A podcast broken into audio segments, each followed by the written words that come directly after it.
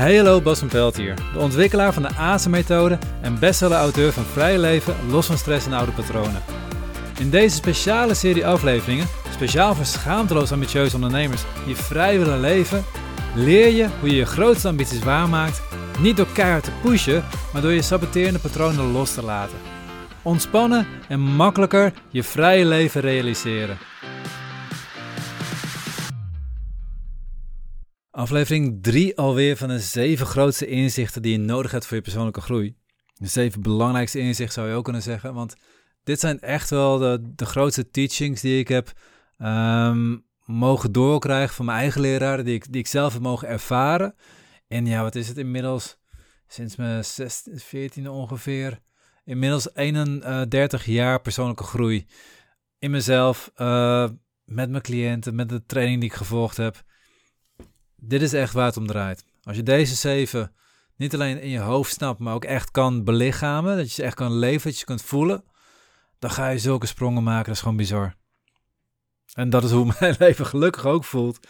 Oh, maar dit is eentje, die van vandaag, de derde is dit.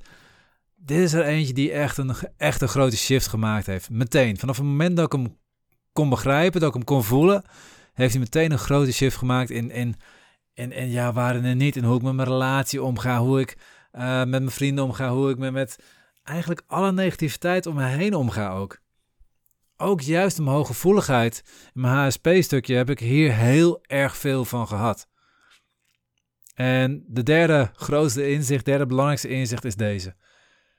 Hoe jij je voelt, is niet afhankelijk van een ander. En dat is wel grappig. Ik, vind deze zo belangrijk. Hij heeft voor mij zoveel, ook vooral mijn relatie, eh, betekent. Dat ik in uh, de aflevering 97 van deze podcast een hele aflevering alleen maar wijd aan dit onderwerp. En hoe het invloed heeft op je relatie. Dus als je meer ruimte wil in je, in je relatie, zou je zeker even aflevering 97 moeten luisteren. Ik zal ook even een linkje plaatsen in de, de show notes, in de beschrijving, de teksten bij de podcast. Maar het grappige is, we denken dat we niet gelukkig kunnen zijn als anderen om ons heen dat niet zijn. Of we denken dat we niet gelukkig mogen zijn als anderen dat niet zijn. Het is net welk patroon je meegekregen hebt. Voor mij zat er een heel stuk in, um, in het kunnen stukje. Ik voelde me echt afhankelijk. En vooral bij Karen, als mijn, mijn vrouw, als zij niet gelukkig was, had ik het gevoel dat ik ook niet gelukkig kon zijn. Dus ik ging dan ook meteen negatief voelen. En ik voelde me meteen ook heel zwaar meteen. Ik kon, eigenlijk kon ik met haar negativiteit niet omgaan. Als zij er even doorheen zat, ik kon er niet echt mee omgaan. En waarom kon ik niet mee omgaan? Omdat ik me verantwoordelijk voelde aan de ene kant voor hoe zij zich voelt. En omdat ik me afhankelijk voel van hoe zij zich voelt. Die verantwoordelijkheid, dat zie je bij HSP'ers heel veel terugkomen. Dat je die ander wil veranderen. Het in een please gedrag, zie je dat. En ook daar zit weer hetzelfde stukje van afhankelijkheid. Het geeft aan de reden waarom ik ga pleasen, de reden waarom ik mijn best ga doen om die ander blij te gaan maken. Of waarom ik juist in een slachtoffergedrag ga zitten, omdat ik vind dat die ander mij teleurgesteld heeft. Is omdat ik het gevoel heb dat ik pas blij kan zijn als die ander weer blij is. Met andere woorden, die anderen moeten ervoor zorgen dat ik blij ga worden. Of ik moet ervoor zorgen dat die ander blij gaat worden, zodat ik blij ga worden. Kun je nog volgen? Simpel gezegd, mijn geluk is afhankelijk van hoe, in dit geval mijn partner Karen, zich, zich voelt. Alleen het is onzin. Het is complete onzin. Moet je je voorstellen, als Karen zwaar depressief op de bank zit, zit er helemaal doorheen. En ik zit ernaast, ja, dan leef ik natuurlijk met hem mee. Dus ik vind het ook naar voor haar. Dat, dat is normaal. Dat is ook hoe, ja, hoe je in een relatie meevoelt. Ik vind het vreselijk voor haar. Ik zou graag willen dat ze daar doorheen kan gaan. Dat ze er volledig erin kan gaan. En dat het aan over kan geven, zodat ze ook weer eruit kan komen. Ik wil niet dat het weer beter wordt, want dan ga ik het forceren voor haar. Dan ga ik haar dwingen een bepaalde kant. Nee, ik, ik gun haar dat, dat proces, maar ik hoop dat ze ook weer uit het proces gaat komen, zodat ze ook kan genieten van alles. Maar stel je nou eens voor dat ik op, op de bank zit, naast mijn partner. En zij zit daar zwaar depressief te zijn. En dan komt mijn, mijn, een van mijn zoons thuis, Max bijvoorbeeld, die heeft een, een 10 gehaald voor Topo. Die is helemaal blij. Mama, papa, ik heb 10 gehad voor Topo. Ben ik dan depressief vanwege Karin? Om mee, mee depressief te zijn? Of ben ik dan heel gelukkig voor mijn Max? Ben ik dan mee gelukkig gaan zijn? Het grappige is, natuurlijk kan ik op dat moment hartstikke gelukkig zijn. Het zou raar zijn als ik dan zwaar in die depressie van Karin zou blijven zitten. Want het is toch hartstikke fijn voor Max dat hij die 10 heeft gehaald voor zijn topo. Daar ben ik super blij voor. Dus ik, ik voel het allebei. Ik voel mee met Karin, maar dat is niet mijn gevoel. Ik voel mee met Max, maar dat is ook niet mijn gevoel. Ik kan zelf bepalen hoe ik mij voel en dat is niet afhankelijk van de mensen om me heen. We hebben het al eerder gehad over niet, niet afhankelijk zijn van de situatie. Maar ik ben ook niet afhankelijk van de persoon om me heen, hoe zij zich voelen. Want ik voel er geen verantwoordelijkheid voor. Ik hoef hen niet blij te maken. En ik kan ook niet alleen maar blij zijn als, als zij perfect voelen. Ik hoop dat je een beetje kan volgen hoe, hoe het zit. En, en dat voorbeeld wat ik geef is misschien wel het makkelijkste. Het heeft ervoor gezorgd dat ik niet meer in allemaal patronen ga zitten, alleen maar om te zorgen dat die ander zich anders gaat voelen. Ik hoef niet meer te pleasen om die ander beter te laten voelen. Ik hoef geen held meer uit te hangen in, in het drama-driehoek, slachtoffer, dader, held, of slachtoffer, aanklager, held, net hoe je wil zien. Ik hoef die held niet te zijn om te zorgen dat die ander beter wordt. Zodat dat ik mij weer goed ga voelen, omdat die ander zich goed voelt. Ik hoef die pleaser niet te zijn. Ik hoef, die, ik hoef zelf het slachtoffer niet te zijn. Die zie ik ook veel had vandaag nog een cliënt. Het is een mooi voorbeeld ook. Zijn partner die maakte een bepaalde opmerking, waardoor hij eigenlijk ja, niet zo lekker in zijn vel zat. En dat, zij voelde zich daardoor ook niet lekker. En vervolgens ging hij zich als slachtoffer voelen. En denk van nee, jij moet zorgen dat jij beter gaat voelen, want dan pas kan ik me weer beter gaan voelen. Ook dat is een patroon wat komt vanuit het idee dat hoe jij je voelt afhankelijk is van die ander. Ja, als zij happy met mij is en zij laat zien dat ze van me houdt en laat zien dat ze volledig voor me gaat, dan pas kan ik me gelukkig voelen. Dan pas ben ik ook gelukkig. Er zijn heel veel patronen die je op die manier kan, kan projecteren, maar allemaal zijn maar patronen. Ik ben nooit afhankelijk van de mensen om me heen. Ik leef met ze mee, absoluut, maar ik ben er niet van afhankelijk. En het voorbeeld is als Karen daar naast me zit en, en, en die is zwaar depressief en nou laat zeggen we zijn 20 jaar verder en Max die komt binnen we zijn zwanger, mijn vrouw die gaat een kindje krijgen. Ja, dan ben ik hartstikke blij natuurlijk. Of ben ik dan heel depressief? Wat, wat is het nou? Ik ben mezelf. En dat is het enige goede antwoord wat je kunt geven. Ik ben mezelf. Weet je, er zijn twee teachings die je hieruit kan halen. Die e-, eerste hoop ik dat die duidelijk is. En dat is dat jij bepaalt hoe je je voelt. Je bent niet afhankelijk. En die tweede, nou, ik zal hem gewoon meteen zeggen. Ik zal je niet de spanning houden. Maar het gaaf is wel, die, die is nog veel dieper dan de eerste. Dat is in je hoofd is het of, maar in je hart is het en. Je hoofd die wil altijd of, die wil of het een of het ander, maar in je hart is het altijd en. Ik laat hem even bezinken bij. Ik merk dat ik even stilval, want ik vind het moeilijk om hier goed recht aan te doen in woorden dat ik hem zodanig weet over te brengen naar je dat je, dat je, dat je de waarde gaat begrijpen ervan. Weet je, in je hoofd zit je altijd te denken: ik ben of blij of ik ben verdrietig.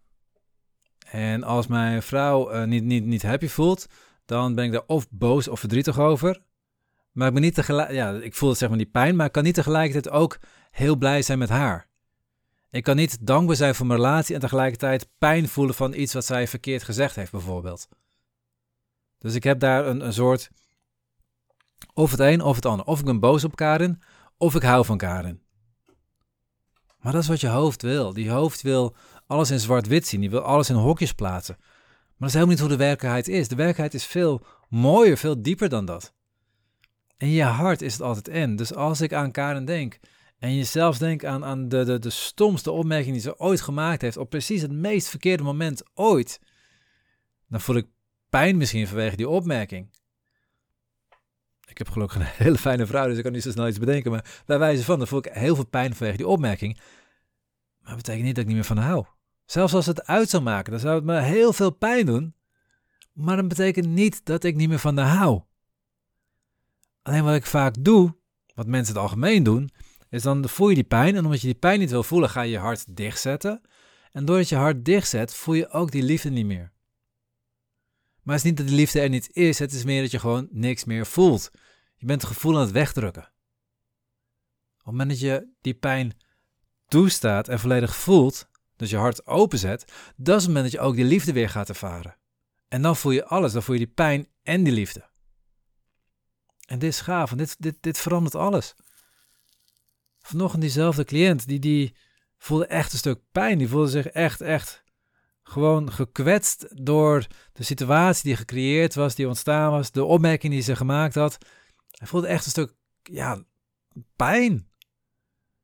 Heb ik dit stukje geprobeerd over te brengen op hem. Ik heb hem gevraagd, oké, focus is echt op die pijn. Ga die eens helemaal voelen. Mooi. Kijk eens of je daar nog dieper in kan zitten. Nog meer kan voelen, nog meer kan voelen, nog meer kan voelen. Oké, wat is nu het mooiste stukje van je vriendin waar jij aan kunt denken? En dan kun je ook meteen plaatsen. Mooi, zet ze eens naast elkaar. Kan je ze allebei voelen? En het lukt hem om ze allebei te voelen. En het gaaf was, ik zag aan de ene kant een beetje, beetje je tranen opkomen. Aan de andere kant zag ik me ook heel, heel blij kijken. Ik zei van, wat, wat voelt dit voor je? Hij gaf hem ook aan dat het gewoon echt zo, zo mooi eigenlijk voelde. Dat ik zelfs in de diepste pijn dat ik nog steeds verbonden voel met haar. En dat is het. Wat we zijn geneigd door die pijn ons hart dicht te zetten. En dan ben je die verbinding kwijt, dan ben je de liefde kwijt. Op het moment dat je hart openzet en vol die pijn accepteert en vol die pijn ja, toestaat, dan heb je ook nog steeds de liefde, heb je ook nog steeds de verbinding. En zolang jij die verbinding blijft houden, maakt het niet uit hoe die ander zich voelt, want jij voelt die verbinding. Dus je kan pijn voelen, je kan meevoelen met haar pijn en tegelijkertijd je eigen, eigen stukje blijven voelen als je eigen stukje en in verbinding blijven. En dit heeft gigantisch veranderd hoe ik met mijn vrouw in mijn relatie omging. Elke keer als het pijn deed, kan ik nog weer steeds weer terug naar het stukje van hé, maar ik hou ook van haar. En ik voel mij verbonden met haar.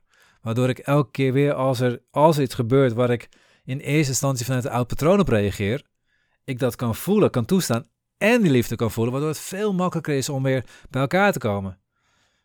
Sinds ik dit ben gaan voelen, zijn ruzies veel korter. Nou, hebben sowieso tegenwoordig bijna natuurlijk hebben we wel eens iets, een woordenwisseling, maar echte ruzies hebben we eigenlijk nooit meer. Maar sinds ik, ik dit, dit besef ben gaan voelen, sinds ik ben gaan voelen van in mijn hart is het altijd en, zijn ruzies veel korter en is het veel makkelijker om elkaar terug te vinden. Dat ook bij, bij tegenslag in mijn leven. Toen ik te horen kreeg dat mijn vader kanker heeft. En ja, voor de mensen wil het graag altijd weten, het gaat gelukkig vrij goed met hem. En ik weet ook nog steeds dat, dat hij elk moment ineens heel erg achteruit kan gaan. Dat hebben we in het voorjaar gehad. Dat ging perfect. En ineens kreeg je een, een longontsteking. En toen lag je op het randje. Moest je van het ene ziekenhuis naar het andere ziekenhuis verplaatst worden. Omdat het ene ziekenhuis niet meer aankon. Dus ik voelde spanning om. Ik voelde angst om. En ik voel heel veel liefde. Sterker nog, door het proces is juist mijn band met mijn vader kunnen verbeteren. Hebben we echt, echt een stuk, stuk uit kunnen spreken naar elkaar. Hoeveel we voor elkaar betekenen. Hoeveel we van elkaar houden. Wat ik eerder nooit, nooit heb uitgesproken. Dus ik voel pijn angst. Maar het is en. In mijn hart is het altijd en. Mijn hoofd die denkt van, hé, hey, het is pijn en angst. En het is, het is naar, het is naar, het is niet leuk. Maar mijn hart zegt, ik voel pijn, ik voel angst en ik voel verbinding en ik voel liefde. En dat is het. Ik heb vroeger veel irritatie gevoeld naar mijn moeder toe. Mijn moeder heeft door haar eigen jeugd, wat ze meegemaakt heeft, heeft ze een, een slachtofferpatroon opgebouwd. Wat ik in eerste instantie ook gekopieerd heb van hem, waardoor waarschijnlijk ook bij mij die irritatie zo hoog zit, omdat ik het zelf ook gedaan heb en, en daardoor nog meer irritatie ervaar. Maar daar had ik altijd heel veel irritatie voor. Totdat dit veranderd is. En sinds ik dit stukje gevoeld heb, kan ik nog steeds merken dat ik denk van, oh, oh ik vind het irritant. En, tegelijkertijd kan ik voelen hoeveel ik van mijn moeder hou. Hoe belangrijk ze voor me is. En doordat ik en voel, is het ineens veel minder naar. En is het ineens veel minder moeilijk voor mij om, um, om, om mijn plek in te nemen in het familiesysteem. Om op mijn eigen plek te blijven staan, laat ik het zo zeggen. Dit heeft zoveel veranderd voor me. Dat ik niet meer voel dat ik afhankelijk ben van hoe iemand anders zich voelt. En dat ik altijd voel van hé, het is altijd en in mijn hart. En ik voel mee met die ander. En ik kan zelfs gekwetst zijn door die ander. Ik kan zelfs mijn oude patronen kunnen getriggerd worden door die ander. En ik blijf altijd in verbinding. Zolang ik in verbinding blijf, zolang mijn hart open blijft staan, blijft het altijd vooruit gaan. En dat zie ik in mijn relatie. En hoe ik met mijn kinderen omga. Hoe ik met mijn ouders omga, met mijn vrienden omga. Hoe ik met mijn cliënten omga. Hoe ik met mijn collega's omga. Hoe ik mijn bedrijf laat groeien. Hoe ik omgaan met mijn eigen angsten. Vooral ook in, in, mijn bedrijfsgroei, in, in mijn eigen ruimte innemen. Dat ik steeds weer terugkom op hetzelfde stukje. In mijn hoofd is het misschien of, maar in mijn hart is het altijd en. Ik ben nooit afhankelijk van hoe een ander zich voelt. Ik ben nooit of. Ik mag gewoon voelen wat ik voel. En in dat gevoel mag alles er zijn. That's it. De volgende is meer actiegericht en dit is wel heel erg achteroverhangend, contemplatief en alles laten zijn. Eigenlijk is het heel erg Taoïsme. Taoïsme is ook zo mooi. Uwe, Urwe. Alles is van zichzelf al goed. Dat is het eerste stukje. Het tweede stukje, dat komt heel mooi in de volgende podcastaflevering. Urwe. En nu gaan we het beter maken. Het volgende inzicht ga je volgende, volgende keer horen. En ik geef alvast een tipje van de sluier. Dat is de enige weg vooruit is door het aan te gaan. Ik zie je heel graag in de volgende podcast weer. Tot die tijd. Ja, geniet van hoe groot jouw hart is en wat er allemaal wel in het inpast. Tot de volgende keer. Dit was de podcast van deze week. Ik ben heel benieuwd wat je van deze podcast vond. Geef in je app even een duimpje omhoog of een review. In Spotify kun je dit doen door naar de podcast zelf te gaan en daarop het aantal sterren te klikken onder de beschrijving van de podcast. Kun je jouw app geen review geven? Geef ons dan even een review op Google door te klikken op de link in de beschrijving van deze aflevering. Je helpt ons op deze manier enorm om meer mensen te bereiken, zodat ook zij vrij kunnen leven.